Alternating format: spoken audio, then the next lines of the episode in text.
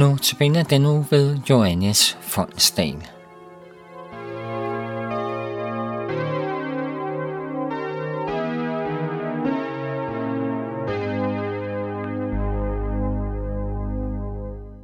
Velkommen til Notabene andagten. Jeg hedder Johannes Fondsdal. Vi skal høre sangen Jubler hver en sjæl på jord.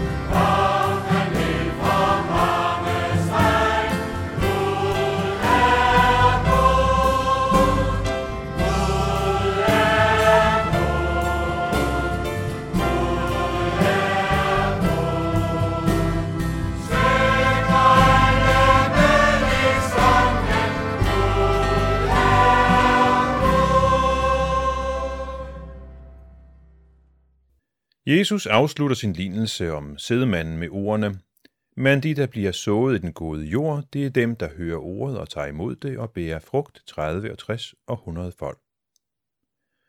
Ud fra dette vers har jeg valgt overskriften Den gode og frugtbare jord er dem, som hører og tager imod Guds ord.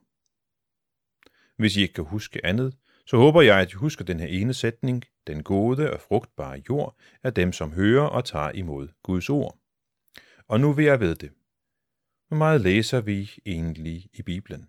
Hvor meget læser du i den? Jeg kan selvfølgelig kun tale for mit eget vedkommende, at jeg synes, jeg læser for lidt i den. Og jeg ved ikke, om jeg ikke ligner mange af jer i det forhold. Der er så mange forskellige ting, der tager tid i min hverdag. Så det med at sætte fast tid af til at læse i Bibelen, sådan for min egen opbyggelses skyld, ja, det er en udfordring.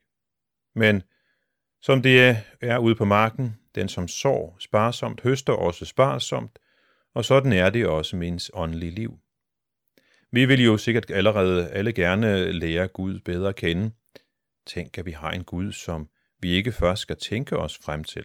Nej, vi har en Gud, der har givet sig selv til kende, og som har lavet almindelige mennesker inspirere, så de kunne give hans ord videre til os. Vi skal som mennesker ikke til at opfinde den dybe tallerken efter hvert slægtled. Nej, der var en Lukas, en Johannes og en Paulus, en Esajas og så videre, så vi på hver side af Bibelen ser Guds kraft og styrke og kan læse, hvad hans vilje er med vores liv. I salmernes bog bliver Guds ord kaldt for en lygte for vores fod, et lys på vores sti. Og det er stadigvæk lige så sandt i dag, som da det blev digtet for flere tusind år siden. Guds ord vejleder os i vores liv, viser os vej og lyser op, når det er mørkt i vores liv. Utallige er de mennesker, hvis liv er blevet forandret, da de kom i kontakt med Guds ord. Da Guds ord blev sået i dem.